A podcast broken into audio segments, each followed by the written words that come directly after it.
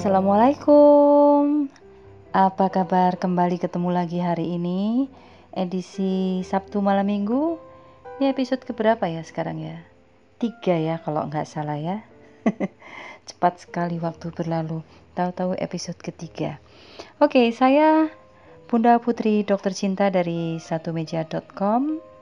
Kita selalu ketemu harusnya setiap Sabtu malam ya untuk jatah saya menemui Anda di Siniar Podcast. Um, satu sarana yang saya sangat suka karena bisa kapan pun bicara bebas tanpa harus berpikir um, tentang keterbatasan waktu, kondisi, ya kan, situasinya juga yang biasanya kalau siaran zaman dulu mesti mikir kapan jam siarannya, apa materinya gitu kan, berapa slot iklannya, jadi harus ada berapa cut dan sebagainya. Enaknya kalau radio digantikan dengan model podcast begini, ngomongnya bisa panjang, satu topik bisa lengkap, dan menyampaikannya pun bisa lebih santai. Oke, hujan di tempat saya sekarang ini berada. Saya nggak tahu di mana eh, Anda sedang berada saat ini ya. Tapi kalau hawanya sama dengan di tempat uh, saya yang agak di kaki gunung begini, mana hujan terus, cuacanya dingin gitu kan. Kalau nggak ada teman, waduh sudah. gak enak banget ya. Tapi untuk orang-orang seperti saya, ini suasananya jadi lebih mendukung gitu karena saya jadi lebih bisa berkonsentrasi untuk bicara apa hari ini dan sedikit bisa membayangkan situasinya seperti apa di luar sana. Namanya malam minggu kan pasti orang sedang berencana entah pergi nonton, pergi jalan-jalan, makan berdua atau apalah namanya juga waktu berkunjung gitu ya. Kalau zaman dulu wakuncar. waktu kunjung pacar. Apa ya setiap berkunjung ke pacar itu harus hari Sabtu ya kan? Dulu kalau sekarang mah mana ada jamnya bisa bisa mau kapan saja pergi pergi mau ke mana pun ikut kan begitu. Karena sekarang tuh relationship uh, fleksibel banget ya. Orang bisa ketemu kapan saja. Karena sudah sangat terjembatani dengan uh, komunikasi yang luar biasa dengan adanya internet. Bisa video call setiap saat uh, SMS setiap saat. Eh SMS sekarang mah nggak musim ya. Paling WhatsApp ya kan atau apalah-apalah. Oke, saya pengen cerita sedikit mungkin kalau Anda suka memilih mengunjungi tempat yang khusus di mana Anda punya kesempatan untuk bisa duduk manis berdua saja. Nggak manis-manis amat kali ya. kalau nonton film berdua pacar tuh manis apa enggak? Pasti ada sesuatunya ya. Oke, tapi uh, saya nggak ngomong ke sana, tetapi memang banyak terjadilah tujuan anak muda nonton film tuh pasti cari tempat yang gelap, remang-remang yang bisa berdua gitu kan ya. Walaupun pura-puranya nonton film. Tapi kalau nonton film yang sebenarnya dan dapat film yang bagus, saya yakin uh, meskipun hari ini Anda nonton berdua, tetapi pikiran Anda, hati Anda pasti bisa akan sangat terbuka dengan sesuatu yang tertangkap dari menikmati film yang ada. Nah, terakhir Anda nonton film apa? Uh, ya, oke, okay. pilihannya mungkin banyak ya, karena sekarang tuh banyak film Marvel, film action, film thriller. Nah, film Indonesia luar biasa banyaknya. Saya pengen menyoroti yang banyak ditonton oleh anak muda sekarang. Ini film yang jarang-jarang ada ya. Ini film tentang uh, kisah cinta remaja, tapi latar belakangnya beda karena uh, nuansa yang ditampilkannya pun berbeda yaitu bukan dari sisi yang indah-indah gitu kan dari sisi yang banyak ceritanya banyak uh, kisah-kisah romantismenya enggak. Tapi satu pesan yang memang saya rasa diangkat dari beberapa peristiwa yang memang banyak terjadi pada remaja terutama dan kemudian ini diangkat ke layar lebar. Ya sudah nonton sudah nonton film posesif? Mudah-mudahan sudah ya sedikit cerita saja kalau belum nonton. Jadi Posesif ini uh, produksi tahun 2017 di Festival Film Indonesia waktu itu um, menjadikan beberapa karakter dalam film ini ya, termasuk sutradaranya juga itu menyabet uh, penghargaan terbaik. Sutradara terbaik juga ya Pak Edwin, kemudian aktris terbaik uh, putrinya juga, aktris ceweknya uh, Putri Marino maksud saya ya. Dan kalau nggak salah uh, ada aktor pendukung terbaik juga ya, Yayu Unru ya yang yang juga main di dalam film ini. Oke, ini sempat menuai kontroversi dalam legalitas filmnya, tetapi um, ada 10 nominasi yang masuk pada Festival Film Indonesia tahun lalu. Oh, bukan tahun lalu ya, tahun lalu kan 2018. 2017 maksudnya. Ya, dan mendapatkan tiga penghargaan terbaik untuk sutradara, aktris terbaik untuk Putri Marino dan aktor pendukung terbaik untuk Yayu. Sinopsisnya begini, cerita tentang posesif ini. Film ini kan ceritanya tentang dua dua uh, anak muda ya, dua pelajar uh, yang waktu itu masih duduk di bangku SMA. Uh, ceweknya namanya Lala yang diperankan oleh Putri Marino. Terus cowoknya itu Yudisnya diperankan oleh Adipati Dolken. Nah, Lala ini kan atlet loncat indah kehidupannya ya sama indahnya seperti kalau orang loncat indah ya. Hidupnya bisa jungkir balik luar biasa. Penyebab dari gambaran hidupnya yang jungkir balik ini bukan karena gerakannya di dalam kolam renang uh, ataupun bukan karena kehidupan di dalam keluarganya sendiri yang memang luar biasa uh, heboh gitu ya. Tetapi uh, mungkin lebih pada karena ini adalah cinta pertama dan dia betul-betul mengalami jatuh cinta untuk pertama kalinya kepada cowok yang namanya Yudis ini. Nah, karena Yudis juga termasuk seorang pelajar yang uh, notabene baru di sekolahnya, nggak pakai lama lah ya. Artinya si Lala ini kemudian kepincut gitu kan, ya, terjebak hatinya sehingga jatuh cinta betul-betul kepada Yudis, sehingga pada akhir tahun uh, di pendidikannya atau di di tahun-tahun terakhir masa SMA itu si Lala akhirnya keluar dari kegiatan rutinitas lamanya. Jadi kegiatan rutinitas dia itu kan belajar ya utama ya.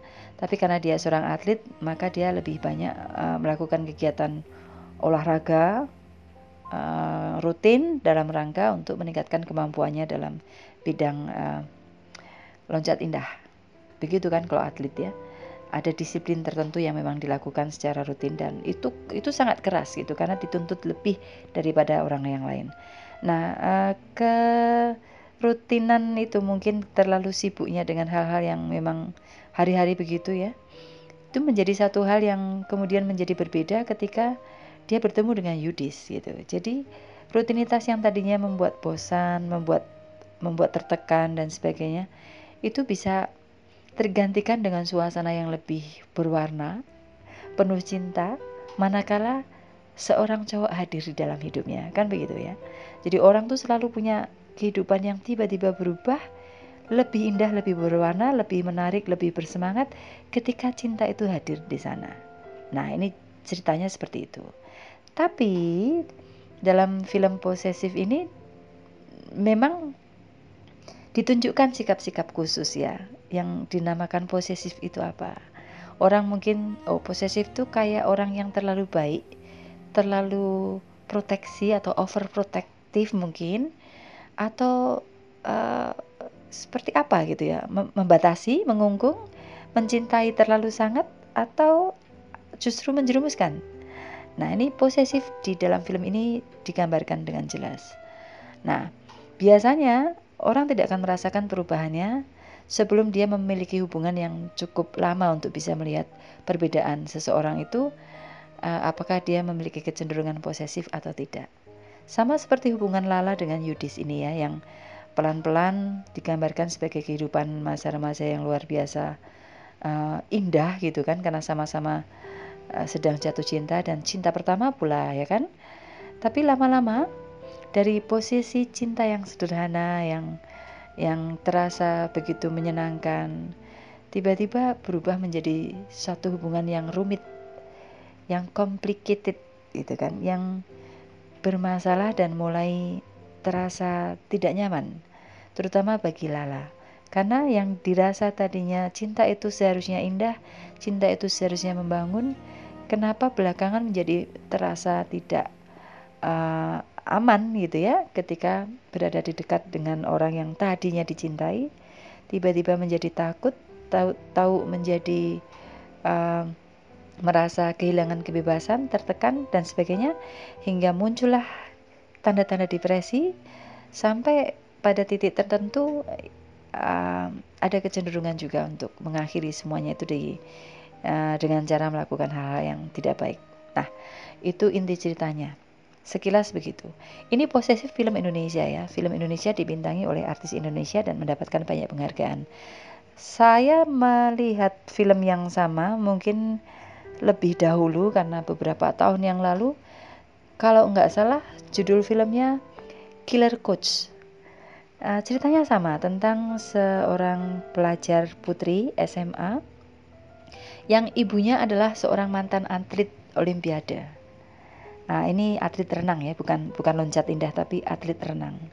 Dan ibunya tuh mempunyai rekor yang uh, tercepat tetapi pernah gagal dan kalah pada waktu olimpiade yang tahun sekian saya lupa.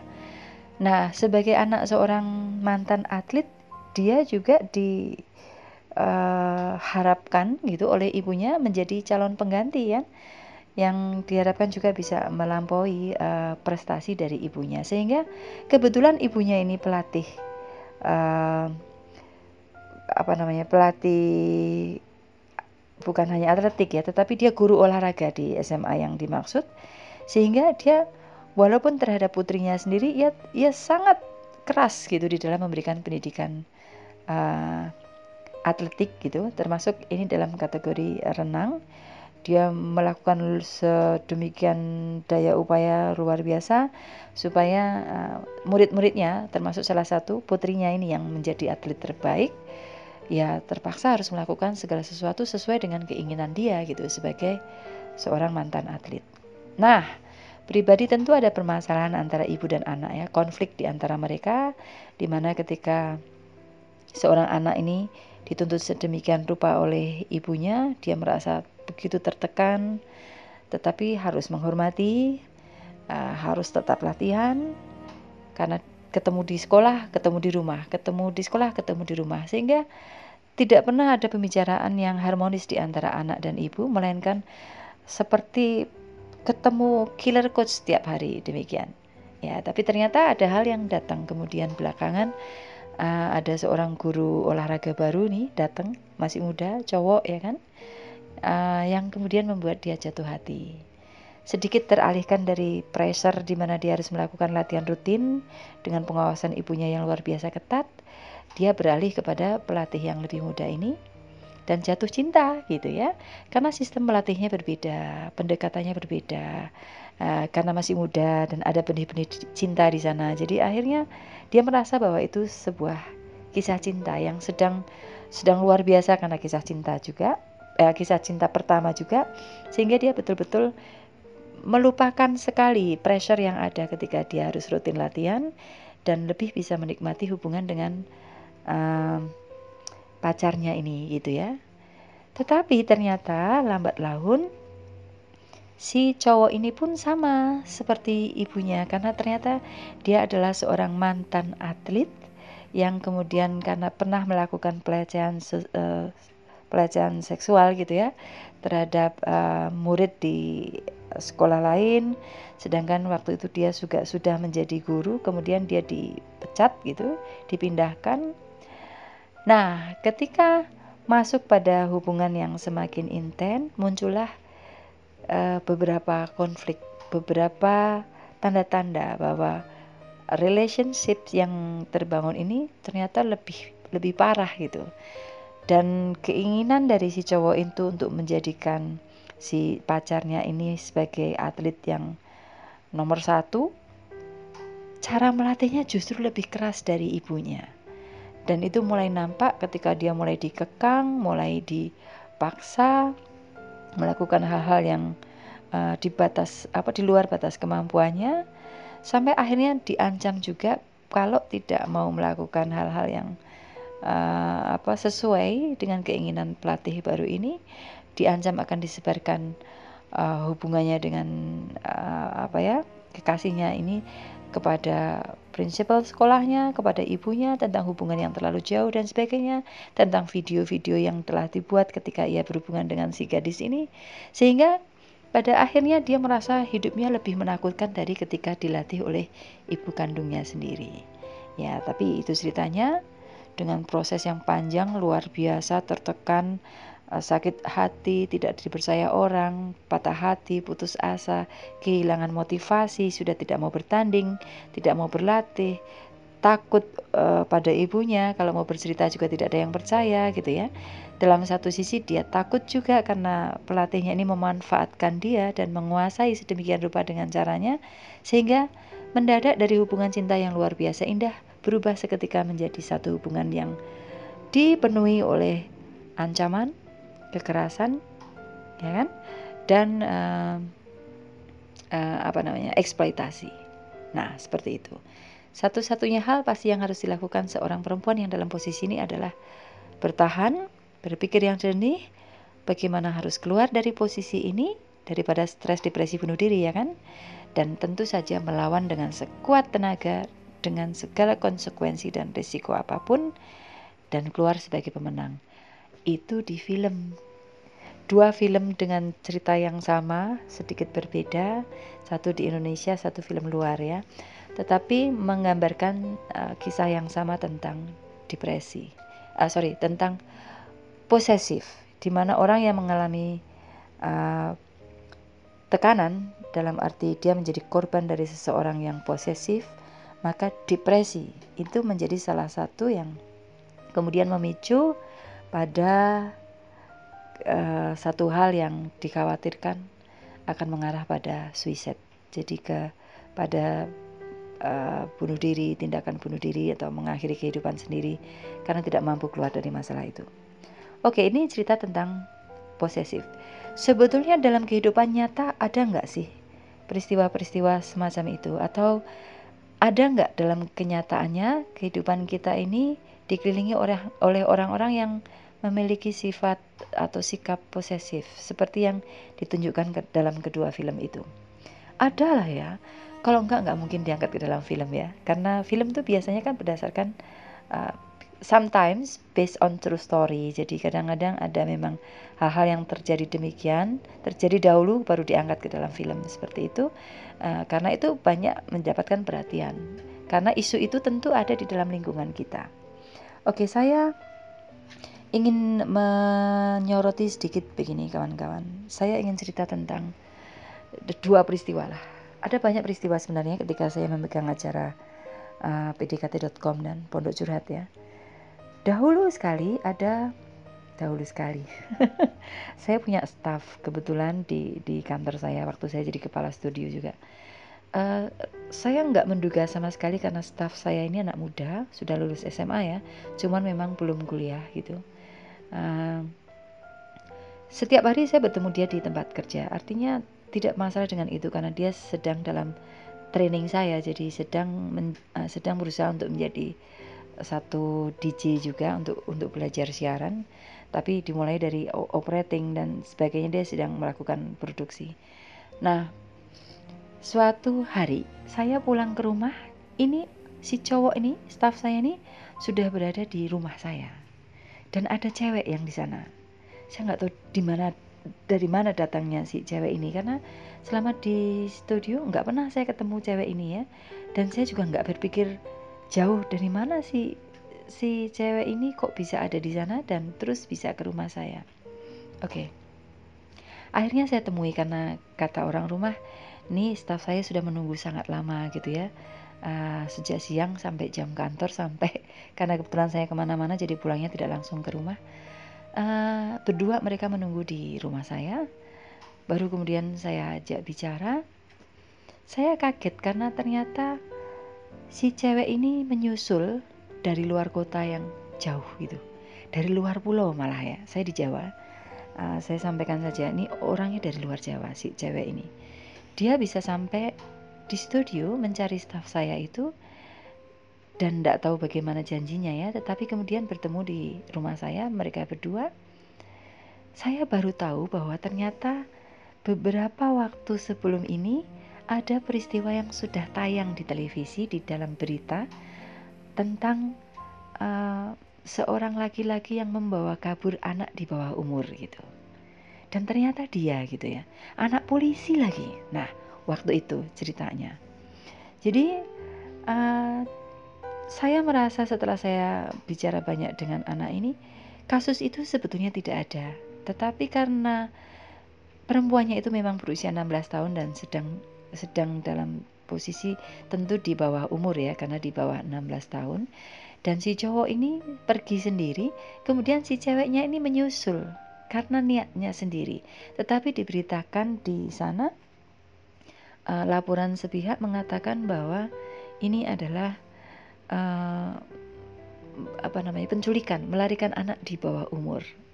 Ya, kalau diselidiki ceritanya bukan begitu saya rasa karena saya melihat hari-hari si cowok itu ada di tempat saya karena staf saya dan si cewek ini datang sendiri gitu ya menyusul dari luar pulau uh, saya rasa bukan penculikan, tetapi berita di televisi memang dikatakan penculikan anak di bawah umur. Oke, saya tidak akan ceritakan detail tentang masalah itu. Tetapi apa yang membuat si cewek ini datang ke tempat saya dan bicara berdua dengan dengan uh, dengan pacarnya ini ya, dengan cowok staff saya ini. Oke, jadi ceritanya adalah uh, dari hubungan yang tadinya baik-baik saja, gitu ya baik-baik saja dalam arti kata sekarang ini baik-baiknya saja seseorang yang sudah termasuk saya nggak tahu remaja sekarang ini dianggap dewasa atau enggak gitu ya. Dari sisi umur mungkin dianggap belum dewasa. Karena belum nikah maka dianggap belum dewasa. Tetapi kenapa orang banyak melakukan hubungan di luar nikah? Yaitu hubungan suami istri yang dilakukan sebelum menjadi suami istri. Dan apakah itu perbuatan dewasa atau karena naluriah sebagai perbuatan seorang laki-laki dan perempuan yang dalam kesempatan dan tanda kutip ada gitu ya. Uh, sarana ada apa ya situasi yang kemudian uh, itu menjerumuskan atau membawa kedua orang ini ke dalam satu hubungan yang pada akhirnya biasanya kemudian disesali karena ada banyak risiko ketika melakukan hubungan suami istri sebelum menjadi suami istri, ya kan? Melakukan hubungan seolah uh, suami dan istri yang sudah menikah padahal belum menikah, artinya melakukan hubungan di luar nikah. Itu selalu mengandung konsekuensi, baik dari sisi hukum, ketakutan uh, akan mendapatkan sanksi hukum, Kemudian uh, dari sisi dogmatis juga di antara masyarakat tentu ada rasa ketakutan bila ketahuan dan sebagainya ya, rasa malu kalau nanti ada uh, apa ada labeling atau ada um, apa ya nilai-nilai uh, tertentu yang kemudian akan dituduhkan kepada mereka sebagai orang-orang yang melanggar norma ya, atau yang tidak punya etika, tidak punya sopan santun, dan sebagainya.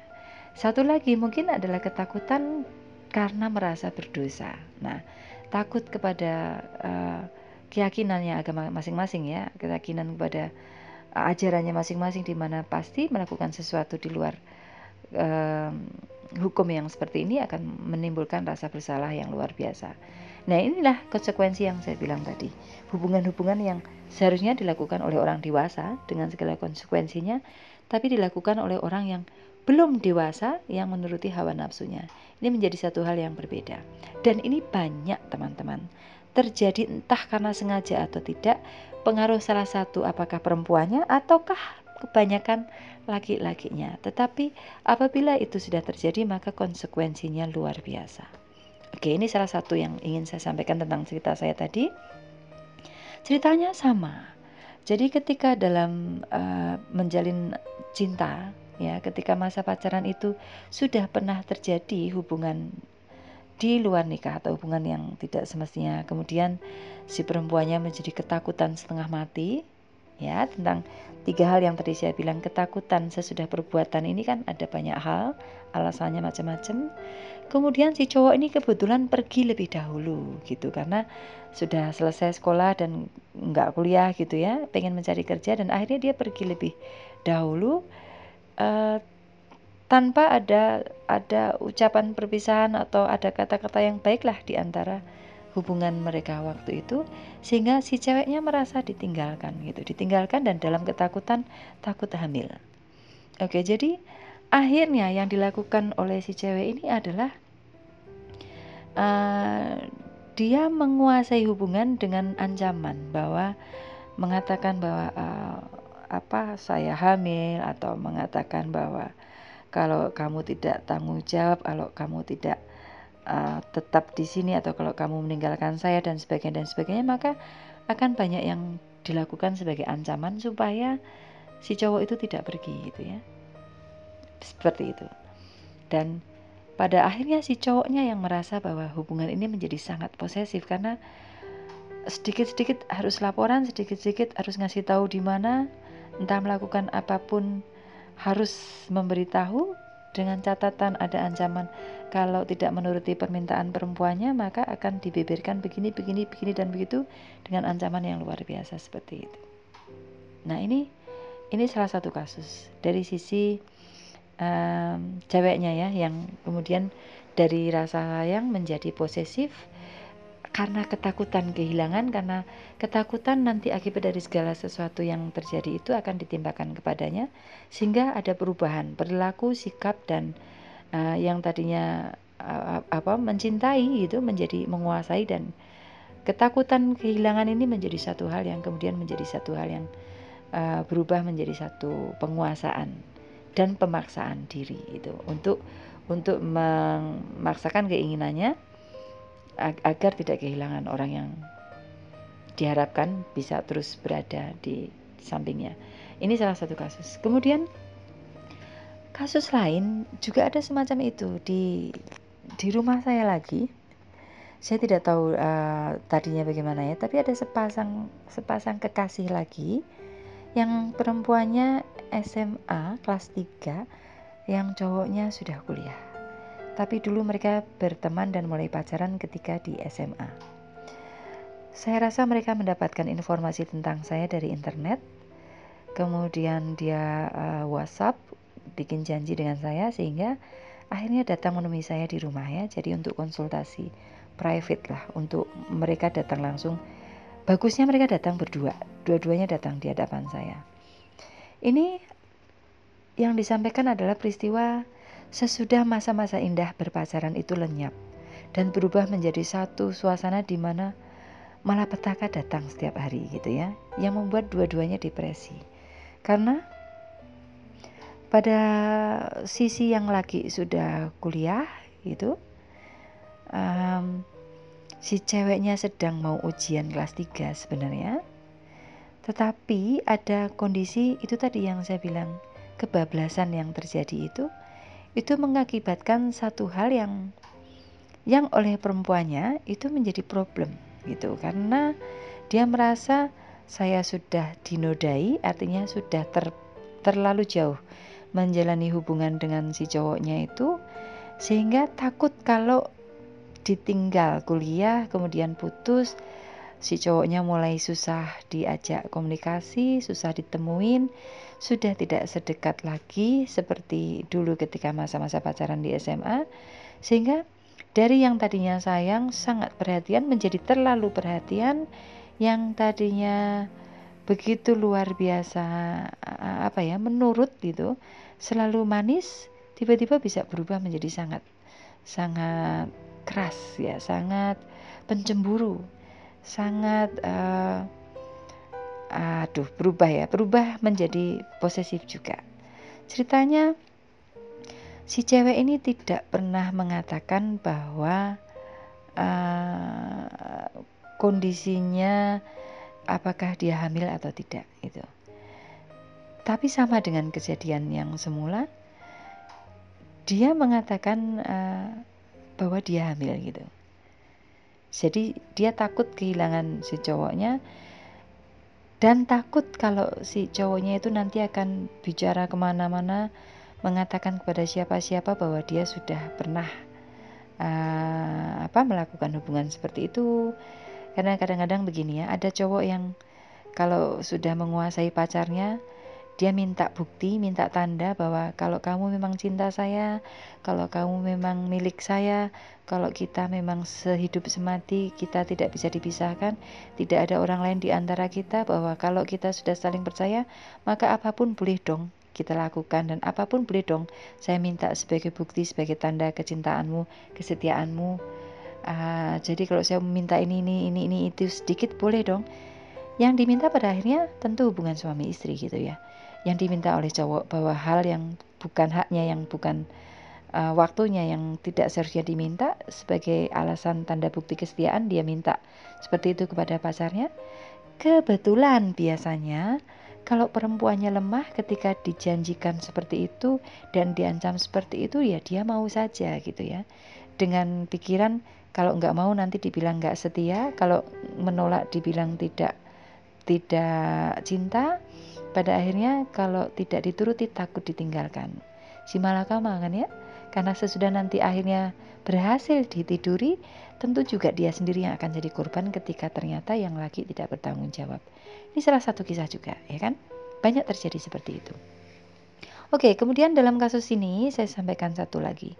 Satu hal kenapa orang berubah menjadi posesif ketika uh, rasa sayang, rasa cinta itu diikuti oleh perasaan-perasaan tertentu tentang ketakutan-ketakutan dan tentang keinginan-keinginan yang diinginkan untuk dirinya sendiri. Jadi tidak berpikir baik untuk pasangannya tetapi yang baik untuk dirinya sendiri menurut kacamata dia sendiri. Jadi uh, mungkin bisa pemaksaan kehendak tadi yang saya bilang.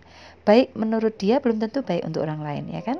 Baik menurut dia itu karena kepentingannya, tetapi dia melupakan apakah itu baik untuk orang lain dan apakah itu menjadi kepentingan pasangannya juga.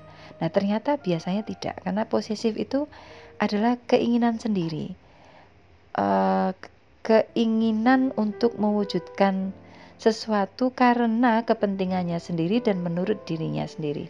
Nah, semacam itu posesif. Jadi hal-hal yang dilakukan ya karena kepentingannya seperti itu. Yang yang saya sampaikan tentang dua orang terakhir yang datang ke rumah saya adalah Si ceweknya tidak mau ditinggal, tidak mau diputus, tidak mau berpisah. Sedangkan si cowoknya sudah mulai merasa terganggu karena tiap hari si cewek ini datang ke kampus juga, mengecek telepon, menghubungi setiap 15 menit sampai 30 menit sekali. WA terus menerus, dibalas tidak dibalas terus terus saja menghubungi.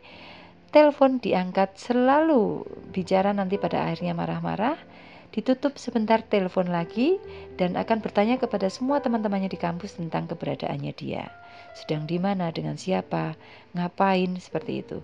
Bahkan mulai ngecek ke rumah, tanya ke orang tuanya di rumah, tanya kepada teman-teman tetangga, keluarganya ya, di manakah keberadaan si cowok ini. Pada akhirnya posesif yang dilakukan yang seperti ini yang sangat mengganggu itu menjadikan kemarahan, menjadikan pemicu dari pertengkaran yang berujung pada ya kekerasan gitu walaupun pacar. Tapi kalau sudah uh, melampaui batas kesabaran ya apalagi belum dewasa itu bisa menyebabkan satu tindak kekerasan yang entah disengaja atau tidak atau karena gelap mata sehingga terjadilah saling pukul ya kan? Saling menyakiti atau bisa jadi saling bunuh kalau orang sudah dalam kegelapan yang luar biasa apalagi kalau tahu pacarnya hamil. Lalu eh, yang satu tidak mau tanggung jawab yang satu kebingungan dalam ketakutan. Pada akhirnya muncul tiba-tiba hal-hal yang di luar pemikiran sehat keinginan-keinginan yang ingin cepat mengakhiri persoalan ini dengan gelap mata ataukah menghilangkan nyawa yang satunya atau menghilangkan nyawa dua-duanya atau entah bunuh diri atau membunuh salah satu. Oke ini hal-hal yang banyak terjadi seperti itu. Ya, tapi untungnya dalam pembicaraan dengan saya, eh, konsultasi saya dengan kedua orang ini berakhir baik gitu ya. Tidak dalam kisah-kisah seperti yang di film-film itu. Tetapi uh, ada kesadaran dan ada solusi bahwa ternyata si ceweknya sebenarnya tidak hamil tetapi menggunakan alasan bahwa dirinya hamil itu untuk menguasai yang cowok supaya dia tidak pergi. Dan si cowoknya itu memang tadinya semula ketika di SMA dia mengatakan uh, menguasai perempuan ini dengan kata-kata bahwa ini loh cewek yang pernah sama saya itu pernah begini begini begini sehingga si cewek tidak punya kesempatan untuk berbaur uh, uh, punya hubungan dengan orang lain, tidak punya uh, keberanian untuk tampil di tempat lain selain dengan status sebagai pacarnya. Karena si cowoknya takutnya sudah cerita ke mana-mana bahwa oh ini loh cewekku tuh sudah pernah begini-begini sama aku dia begini-begini begini akhirnya tidak laku di tempat eh, sorry bukan tidak laku di tempat yang lain. Maaf ya kasar ya kata-katanya ya. Maksudnya si cewek ini kemudian menjadi tidak bisa menjalin hubungan lagi dengan orang lain sebab sudah di blacklist sudah di, diberi label khusus oleh mantan pacarnya itu bahwa si cewek ini eh, gampangan ibaratnya seperti itu. Mudah dibawa nyatanya pernah begini dulu mau begini mau begitu. Oke jadi dua orang ini mempunyai hubungan yang sangat buruk tetapi pada saat titik uh, puncak dari dari apa ya segala ketegangan dan segala kesalahpahaman saling saling benci dan saling kemarahan itu menjadi satu keinginan untuk mencari solusi bersama ketemunya saya dan alhamdulillah ya bisa diselesaikan dengan baik. Karena pada akhirnya mereka putus baik-baik dengan perjanjian gitu ya bahwa mulai saat ini tidak boleh ada lagi yang saling menyakiti, saling memburuk-burukkan, saling menfitnah, saling saling uh, mengatakan hal yang buruk karena sama-sama salah dua-duanya dan sama-sama ingin memperbaiki masa depannya yang cowoknya pengen tetap kuliah dan bersih dari segala gangguan yang perempuan sementara yang si perempuannya ini kan harus selesai ujian SMA gitu ya. Jadi tidak mau lagi berpikir bahwa ini nanti akan ada masalah karena si cowok ini akan begini akan begitu. Ini cerita-cerita yang kalau saya sampaikan detail itu semacam novel ya yang panjang dan sequel-sequel kalau kalau kita bilang kisah-kisah cinta masa remaja itu luar biasa. Tapi semula semuanya berasal dari kisah cinta yang baik-baik saja, yang sederhana, yang yang indah gitu, yang yang penuh dengan eh, cerita-cerita uh, luar biasa gitu ya. Nah, sekarang persoalnya posesif itu yang seperti apa supaya kita nggak terjebak menjadi korban dari orang-orang yang posesif. Dan kalau kita misalnya punya pacar, bagaimana menghindari sifat kita supaya tidak menjadi uh, overprotective yang kemudian menjurus menjadi posesif. Apa sih bedanya posesif dan protektif? Nah, ini ada banyak yang mungkin saya bisa bisa sampaikan ke teman-teman ya supaya supaya tahu saja. Karena hati-hati ya sifat posesif di dalam diri kita ini bisa merusak sebuah hubungan. Karena kalau terlalu posesif hubungan yang tadinya baik-baik menjadi uh, mungkin akan lebih banyak ke pada apa ya bersih tegang lebih pada konflik-konflik ya di mana kemudian salah satu pihak menjadi tidak nyaman merasa tidak aman dan merasa terancam sehingga pada akhirnya nanti hubungan itu tidak mungkin berjalan langgeng karena uh, pasti akan ada kecenderungan putus di tengah jalan atau sebagainya. Ya, sifat posesif berpotensi merusak hubungan. Nah, ini kata-kata yang seperti itu karena uh, dalam arti kata kamus besar bahasa Indonesia sendiri ya, arti kata posesif itu uh, kata-katanya adalah menguasai sifat merasa menjadi pemilik dan itu mempunyai kecenderungan sifat yang sangat pencemburu sehingga pencemburunya itu tidak sehat dan gelap mata sehingga itu membahayakan bagi pasangannya. Nah, ini sifat-sifat yang disebut dengan posesif.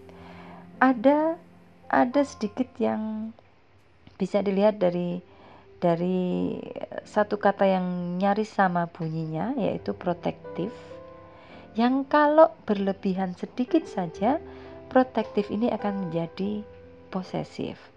Padahal dalam arti kata protektif, protektif adalah seseorang yang menjaga, seseorang yang punya kecenderungan melindungi.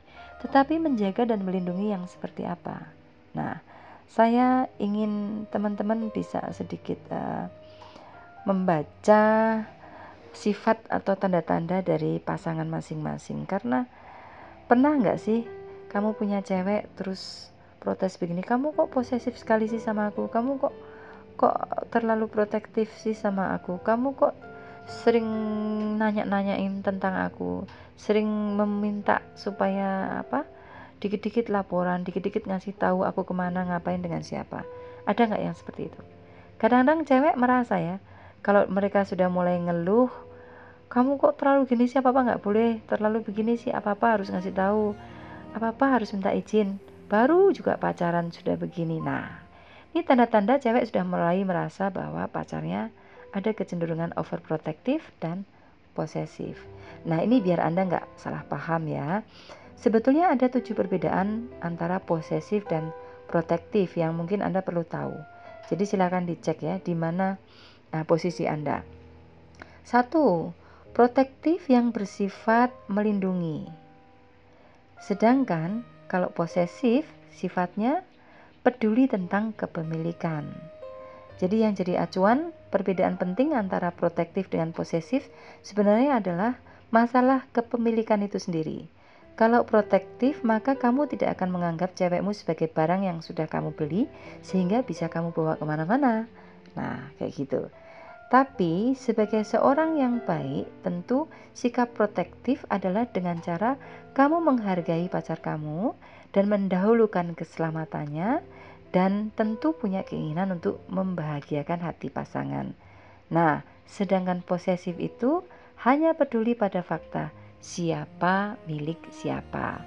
Tidak peduli apakah pasangannya akan bahagia, apakah merasa terlindungi atau justru akan merasa uh, terkekang ya atau merasa terpenjara karena perintah-perintah yang tidak jelas dari uh, pacarnya itu. Tetapi karena merasa sebagai pemilik maka dia merasa seolah berhak mengatur ini dan itu dan boleh melakukan ini dan itu.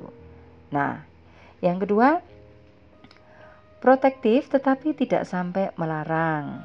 Sedangkan kalau posesif membatasi dengan ketat. Kayak misalnya ngecek handphone diintegrasi setiap kali pasarnya pergi ke mana sendiri atau sama siapa diantar siapa berapa lama ngapain aja ya kan? Ketemunya siapa saja. Nah kadang-kadang dibilang boleh pergi tapi 15 menit kemudian ditelepon. Udah sampai belum? Nanti ditelepon lagi. Sudah selesai belum acaranya? Nanti sebentar ditelepon lagi. Nanti pulangnya sama siapa? Nah itu sudah yang dimaksud dengan posesif yang berlebihan ya karena pakai integrasi dan pakai ngecek. Ini pasti nggak akan membuat orang bahagia ya. Tapi kayak macam orang yang dipenjara dan diawasi 24 jam ya kan? Kemudian ada lagi uh, sifat protektif yang memantau tapi tidak ikut campur. Sedangkan kalau sifatnya itu posesif maka memantau malah ikut terlibat secara langsung memantau tetapi terlibat jauh di dalamnya. Nah ini kan gak memantau tapi campur aduk ya. Ya ini yang namanya memantau tuh begini, memantau yang baik kan cukup tahu, tidak perlu harus melihat sendiri atau cukup diberitahu, cukup dikasih apa ya pemberitahuan atau cukup cukup dimintain izin lalu dia percaya dan membiarkan ini untuk protektif. Tetapi kalau orang posesif sudah minta izin tapi ke mana pun masih diikutin gitu ya. Jadi boleh asal aku yang nganter boleh asal tak temenin boleh asal aku yang jemput. Nah dan sebagainya. Ini yang posesif seperti itu. Jadi uh, memberi izin tetapi tidak mempercayai sehingga membolehkan tetapi dia ada di sana terlibat secara langsung. Beda dengan orang yang tadi yang protektif mengizinkan tapi tidak perlu campur uh, men, apa ya mencampuri urusan sampai enggak terlalu dalam. Kalau posesif boleh tapi terlibat secara langsung. Ya. Protektif itu mempercayai sedangkan posesif selalu mencurigai. Sulit dikasih apa ya? Dikasih tahu. Sulit dibuat percaya karena Benar nggak benar, apa pun kata pasangannya yang namanya orang sudah posesif, sulit untuk bisa percaya. Jadi tetap saja adanya curiga mulu gitu ya. Curiga terus. Nah, itu yang bedanya antara protektif dan posesif. Kemudian apa lagi ya? Protektif uh, akan biasa saja saat tahu kamu sedang menjalankan aktivitas. Tetapi kalau orang posesif maka uh, dia lebih cenderung pada pertanyaan-pertanyaan. Jadi tadi tadi saya, saya sampaikan pertanyaannya macam-macam. Yang ini, yang itu, dengan siapa, urusannya apa, nanti bagaimana, kelanjutannya seperti apa dan sebagainya. Oke, ada lagi protektif memberikan kesempatan, sedangkan posesif menahan terus-menerus. Kalau protektif itu demi kebaikan akan diingatkan. Boleh, tapi hati-hati boleh, tapi awas nanti jangan begini, jangan begitu ya. Ini cukup. Kalau posesif, minta izin ini, ini, itu, nanti jawabnya akan begini. Alah sudah nggak usah, nanti saja. Tunggu saja, sudah nggak perlu, ini saja cukup. Artinya kadang-kadang dia lebih dulu membuat keputusan dengan melarang meskipun sesuatu yang diinginkan oleh pasangannya itu belum dilakukan seperti itu. Nah ini posesif. Susah ya jawab posesif ya. Oke, kalau protektif um, biasanya masih membebaskan pasangannya atau pacarnya ini untuk berteman dengan yang lain, uh, bersahabat dengan yang lain, bahkan lawan jenis, gitu ya. Tetapi kalau posesif, dia sama sekali tidak membiarkan pacarnya bertemu dengan orang lain, apalagi cowok, gitu ya. Karena yang namanya posesif kalau punya pacar ya sudah pacarku saja, milikku saja, tidak perlu orang lain cukup aku gitu. Cukup kamu dan saya kita berdua dan tidak perlu lagi ada orang lain apakah itu teman, sahabat, apakah itu uh, sepupu mungkin atau orang-orang yang memang uh, memang masih sering berkumpul dengan uh, kegiatan pacarnya. Ini bagi orang posesif hal yang seperti itu sudah tidak diperlukan lagi karena cukup baginya dia dan pacarnya saja. Nah orang yang protektif kan tidak perlu seperti itu ya. Dia cukup percaya uh, kalau pacarnya mau ke mana-mana pun tentu masih boleh karena itu adalah bentuk dari kesadaran pribadi bahwa tentu orang masih akan punya kehidupan sosial, kehidupan yang lain di luar kegiatan yang melulu hanya uh, urusan uh, relationship dalam hubungan asmara atau hubungan percintaan saja kan seperti itu. Nah ini hal-hal yang harus dilihat sebagai sebagai uh, warning ketika anda punya hubungan uh, asmara atau relationship yang yang seharusnya terasa normal, terasa baik, terlalu uh, apa ya membawa perubahan yang kemudian membuat anda menjadi lebih semangat, lebih terinspirasi, lebih bergairah itu adalah hal-hal yang diharapkan dari sebuah hubungan yang membawa uh, dampak positif. Artinya hubungan yang sehat, yang membangun, yang membuat orang menjadi lebih positif, yang lebih berkarya, lebih berprestasi dan bisa lebih kreatif dan lebih ingin menunjukkan hal-hal yang uh, apa ya di luar kemampuannya sehingga menjadi mungkin menjuarai hal-hal tertentu men menjuarai uh, apa ya kompetisi-kompetisi tertentu atau menjadi juara di banyak hal yang bisa dilakukan. Ini adalah hubungan dari um, dampak dari sebuah hubungan yang positif. Tetapi apabila satu hubungan itu dirasa mulai membuat uh, orang tidak nyaman bosan takut, kemudian mulai merasa tidak tenang, sebentar-sebentar melihat telepon takut ditelepon, pergi dengan teman deg-degan takut nanti tiba-tiba pacarnya uh, nyusul nongol gitu ya, uh, atau apa pun yang kemudian hal-hal yang dilakukan menjadi takut dilanjutkan atau takut dikerjakan karena takut nanti ketahuan pacarnya nanti dilarang karena pacarnya nggak suka atau tidak ingin membuat pacarnya ngamuk marah karena dia tahu bahwa hal ini pernah dilarang karena pacarnya itu tidak suka kalau dia ketemu siapa atau melakukan apa uh, dan pergi ke mana uh, atau berbuat apa. Nah ini hal-hal yang kemudian akan dirasai sebagai satu hal yang semakin memperburuk kondisi pribadi, tidak membuat pribadi uh, apa ya uh, prestasinya berkembang tidak membuat kreativitasnya juga muncul. Yang ada adalah ketakutan-ketakutan sehingga dari ke hari semakin terpuruk menarik diri semakin kehilangan kepercayaan kepada teman kepada lingkungan. Bahkan apabila posesif itu sudah menjurus kepada kepemilikan melampaui batas sehingga melupakan kedua orang tua yang seharusnya menjadi pemilik anak ya karena uh, pemilik sah seorang anak itu kan orang tua yang melahirkan, membesarkan, mendidik, membiayai, yang punya hak untuk uh, apa ya tumbuh kembang. Uh, apakah itu akan menjadi satu hal yang baik dalam pendidikan anaknya sehingga mencapai prestasi hingga mendapatkan pekerjaan dan sebagainya. Itu adalah hak dan menjadi apa-apa ya kewajiban orang tua untuk menjadi orang di pihak pertama yang yang boleh memberikan keputusan-keputusan tertentu pada anaknya. Bukan pacar bukan pasangan yang posesif tadi yang merasa bahwa apa pun harus dilaporkan ke dia apa pun yang dilakukan itu karena untuk dia dan belum-belum segala sesuatunya sudah menjadi uh, tanggung jawab yang diambil alih gitu.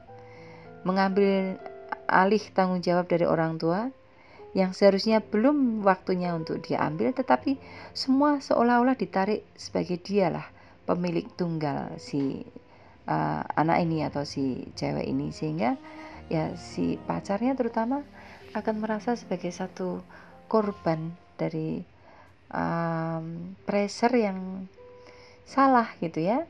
Yang karena itu dipilih sendiri karena itu dilakukan sendiri tadinya oleh oleh um, apa namanya sukarelanya kesukarelaan sendiri itu karena suka sama suka begitu kan? Tidak ada yang memaksa bukan atas dasar pemaksaan tetapi karena dia memilih yang salah dan keliru menempatkan diri dan berada dalam posisi yang lemah, sehingga ketika ia menjadi korban dari seseorang yang posesif, maka dia akan menjadi depresi.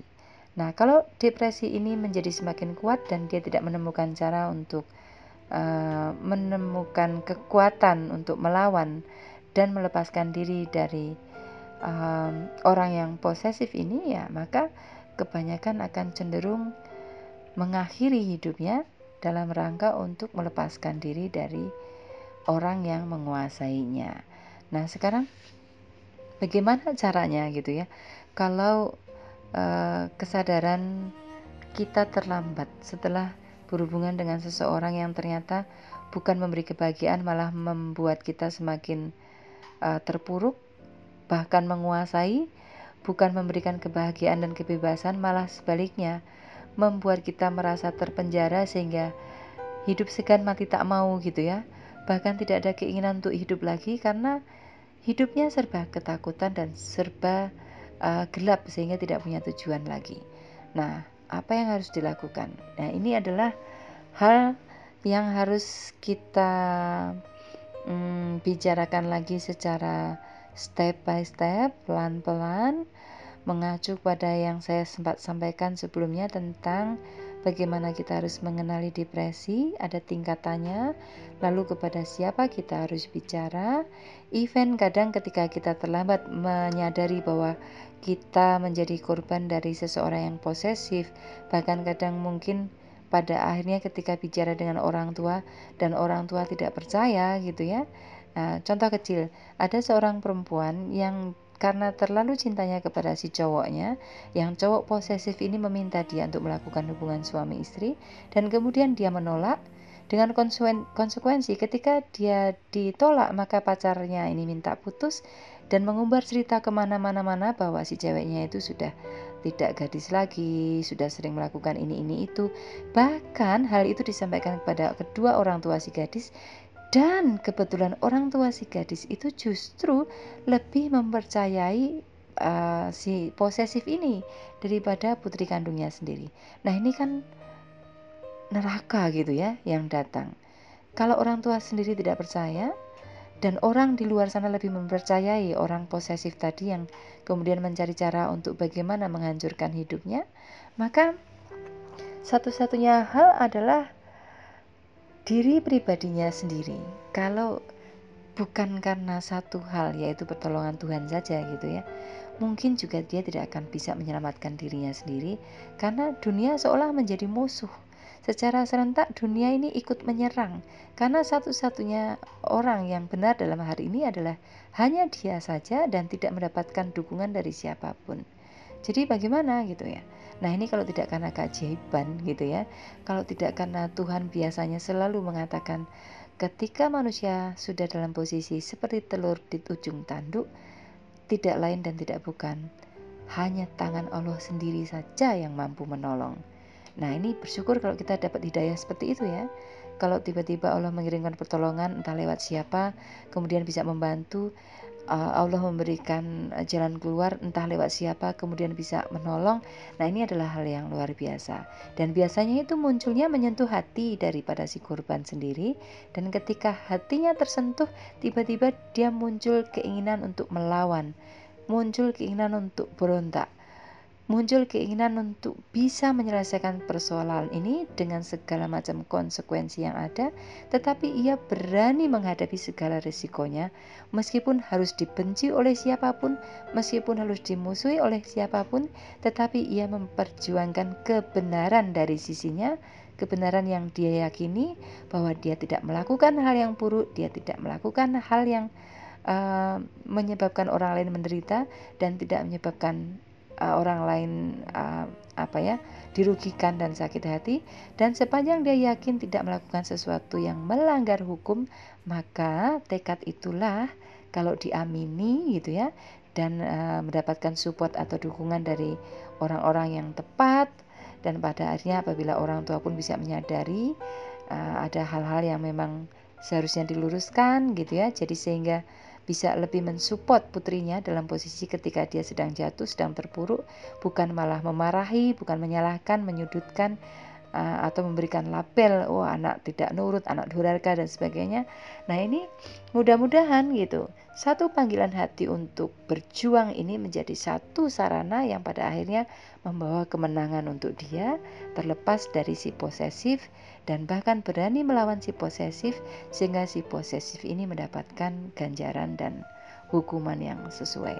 Sebab posesif itu bukan termasuk dalam kondisi uh, penyakit ya, tetapi Posesif apabila dilakukan oleh seseorang yang dia sudah dewasa dan tahu hukum, maka melakukan hal-hal dengan memaksakan kehendak seperti itu sampai pada melanggar hak-hak asasi manusia lain gitu ya. Artinya hak-hak pasangannya yang kemudian dikuasai sedemikian rupa dengan cara uh, mengancam, dengan cara memfitnah, dengan membuat berita hoax seperti sekarang ini banyak terjadi, maka itu di dalam uh, sisi masyarakat sekarang ada uh, ada sanksi atau konsekuensi hukum kalau dilakukan.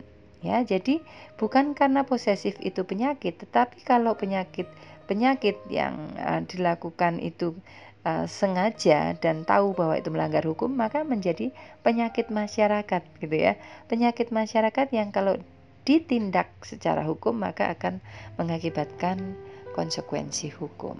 Nah itu uh, makanya kenapa harus berani dilakukan. Oke, saya merasa cerita hari ini agak agak banyak berputar dan agak banyak uh, apa ya membuat anda uh, mungkin ikut sedikit bingung dan ikut sedikit berpikir karena ternyata begitu banyak perbedaan ya antara uh, cinta kasih sayang kemudian mengayomi, melindungi, membuat pasangan senang, membahagiakan pasangan, kemudian tiba-tiba menjadi menguasai, menjerumuskan, membuat terperuk, terpuruk dan malah membuat uh, pasangan terpenjara. Artinya tidak mendatangkan kebahagiaan, justru kesedihan dan penderitaan. Nah, ini ada banyak hal yang kemudian membuat kita berpikir bagaimana caranya kita bisa selamat dari hal itu semua. Oke, kuncinya saya hanya ingin mengingatkan satu hal, teman-teman. Jadikan kisah-kisah dalam film itu satu hal yang membuat Anda uh, mendapatkan pengajaran. Jadi, jadikan pengalaman dari orang lain itu sebagai satu ilmu yang bermanfaat untuk Anda, sehingga bisa menjaga diri Anda sendiri dari hal-hal yang keliru, dari hal-hal yang tidak Anda inginkan. Jadikan pengalaman-pengalaman orang lain menjadi satu pengalaman bagi diri Anda sendiri untuk terhindar dari hal-hal yang seperti itu. Jadikan kisah-kisah dari teman-teman perempuan Anda kalau mereka bercerita tentang pasangannya Jadikan itu satu warning bagi Anda untuk waspada juga kalau ada orang-orang tertentu yang mendekati Anda atau dalam tanda petik mungkin sudah menjadi pacar Anda atau kekasih Anda sekarang tetapi punya kecenderungan-kecenderungan untuk melakukan sesuatu yang di luar batas seperti dari protektif, overprotective menjadi posesif dan menjadi satu hal yang mungkin akan menjadi satu perbuatan melanggar hukum. Waspadai segala sesuatunya dan dengarkanlah nasihat-nasihat orang lain ketika mereka uh, memberikan apa ya warning kepada kita untuk jangan begini, jangan begitu, hati-hati. Karena di usia yang masih muda, orang yang paling susah dinasihati itu adalah orang yang sedang jatuh cinta. Karena orang yang sedang jatuh cinta itu lebih banyak mendengarkan hatinya tanpa menggunakan logikanya dan kebanyakan mereka mengabaikan uh, intuisi, mengabaikan pikiran-pikiran secara logika. Karena yang dirasakan adalah hati saat itu ingin senang, hati sangat saat itu ingin bahagia, hati saat itu ingin bersama sehingga konsekuensi logis ketika kita berpikir uh, bahwa segala sesuatu itu sebetulnya mempunyai dampak-dampak uh, tertentu ya dari keinginan-keinginan dan konsekuensi-konsekuensi yang harus ditanggung ketika keinginan itu belum pada tempatnya dan tidak bisa diwujudkan sesuai dengan uh, kondisi dan situasi yang sedang dialami menurut usia mereka dan tanggung jawab yang beda, berbeda itu tadi, maka nasihat-nasihat dari orang tua, nasihat-nasihat dari orang yang lebih mengerti atau memahami terutama mereka yang sudah pernah muda ya. Maka pada saat tuanya kadang-kadang lebih sedikit uh, tahu tentang seluk-beluk sakitnya patah hati dan susahnya dikhianati serta pedihnya gitu kan kalau ditinggal pergi. ya, ini yang harus Anda banyak pikirkan. Tidak selamanya hubungan itu langgeng ya. Orang sudah menikah saja banyak yang bercerai, apalagi yang baru saja pacaran. Resiko putusnya pasti ada. Jadi ketika Anda berhubungan, apakah itu untuk pertama kalinya, apakah Anda sedang jatuh cinta untuk kali pertama sehingga yakin 100% bahwa pacar Anda saat ini adalah yang terbaik, maka pikirkanlah bahwa hubungan itu mungkin tidak selamanya. Jadi kalau Anda berikan segala sesuatunya sekarang padahal itu belum waktunya dan belum haknya, maka bersiap-siaplah untuk sebuah resiko yang luar biasa buruk yang akan menimpa Anda sesudahnya. Karena tidak pernah ada yang tahu bagaimana hubungan ini akan berjalan sesudah saat ini. Karena hubungan itu kan perlu waktu untuk uh, membuktikan sebuah cinta itu apakah dia sejati atau tidak membutuhkan ujian-ujian, dia membutuhkan proses, dia membutuhkan waktu, dan ia membutuhkan banyak sekali peristiwa yang tidak sedikit dan tidak mudah gitu ya untuk dilalui untuk melihat dan menguji apakah betul-betul cinta yang ada itu mewujudkan kesetiaan dan mewujudkan dari sebuah cinta sejati. Oke, saya rasa sekarang ini dulu karena malam minggu kita bicaranya tentang cinta. Kalau Anda pusing, kalau Anda bingung dengan segala macam yang saya sampaikan hari ini, Anda boleh kirimkan pertanyaan sajalah ya. Nanti saya jawab satu demi satu. Oke, saya jarang cerita banyak begini karena biasanya saya ditanya jawab, saya tanya jawab, banyak pertanyaan banyak jawaban. Tapi kalau cerita yang panjang begitu, ini saya bukan tukang story ya, bukan storytelling yang baik. Jadi mungkin kadang-kadang agak melompat-lompat. Tapi mudah-mudahan saya berharap Anda menangkap isi cerita saya, Anda menangkap tentang perbedaan antara protektif dan posesif dan tahu bagaimana menyelamatkan diri dari depresi ketika Anda berada sebagai korban dari sang posesif. Oke, kirimkan pertanyaan Anda atau kalau ada komentar atau kesan apa pun tentang uh, podcast Pondok Curhat ini, Anda boleh kirim email melalui pondokcurhat at aol.com. Oke, nanti saya akan jawab pertanyaan Anda dan uh, Sabtu depan itu jatah saya untuk kembali hadir untuk Anda di um, podcast Pondok Curhat. Anda bisa uh, ketemu saya atau kunjungi web kami di www.satumeja.com slash pondok curhat. Saya Bunda Putri, dokter cinta, pondok curhat, satumeja.com. Sampai ketemu lagi minggu depan. Oke, Assalamualaikum.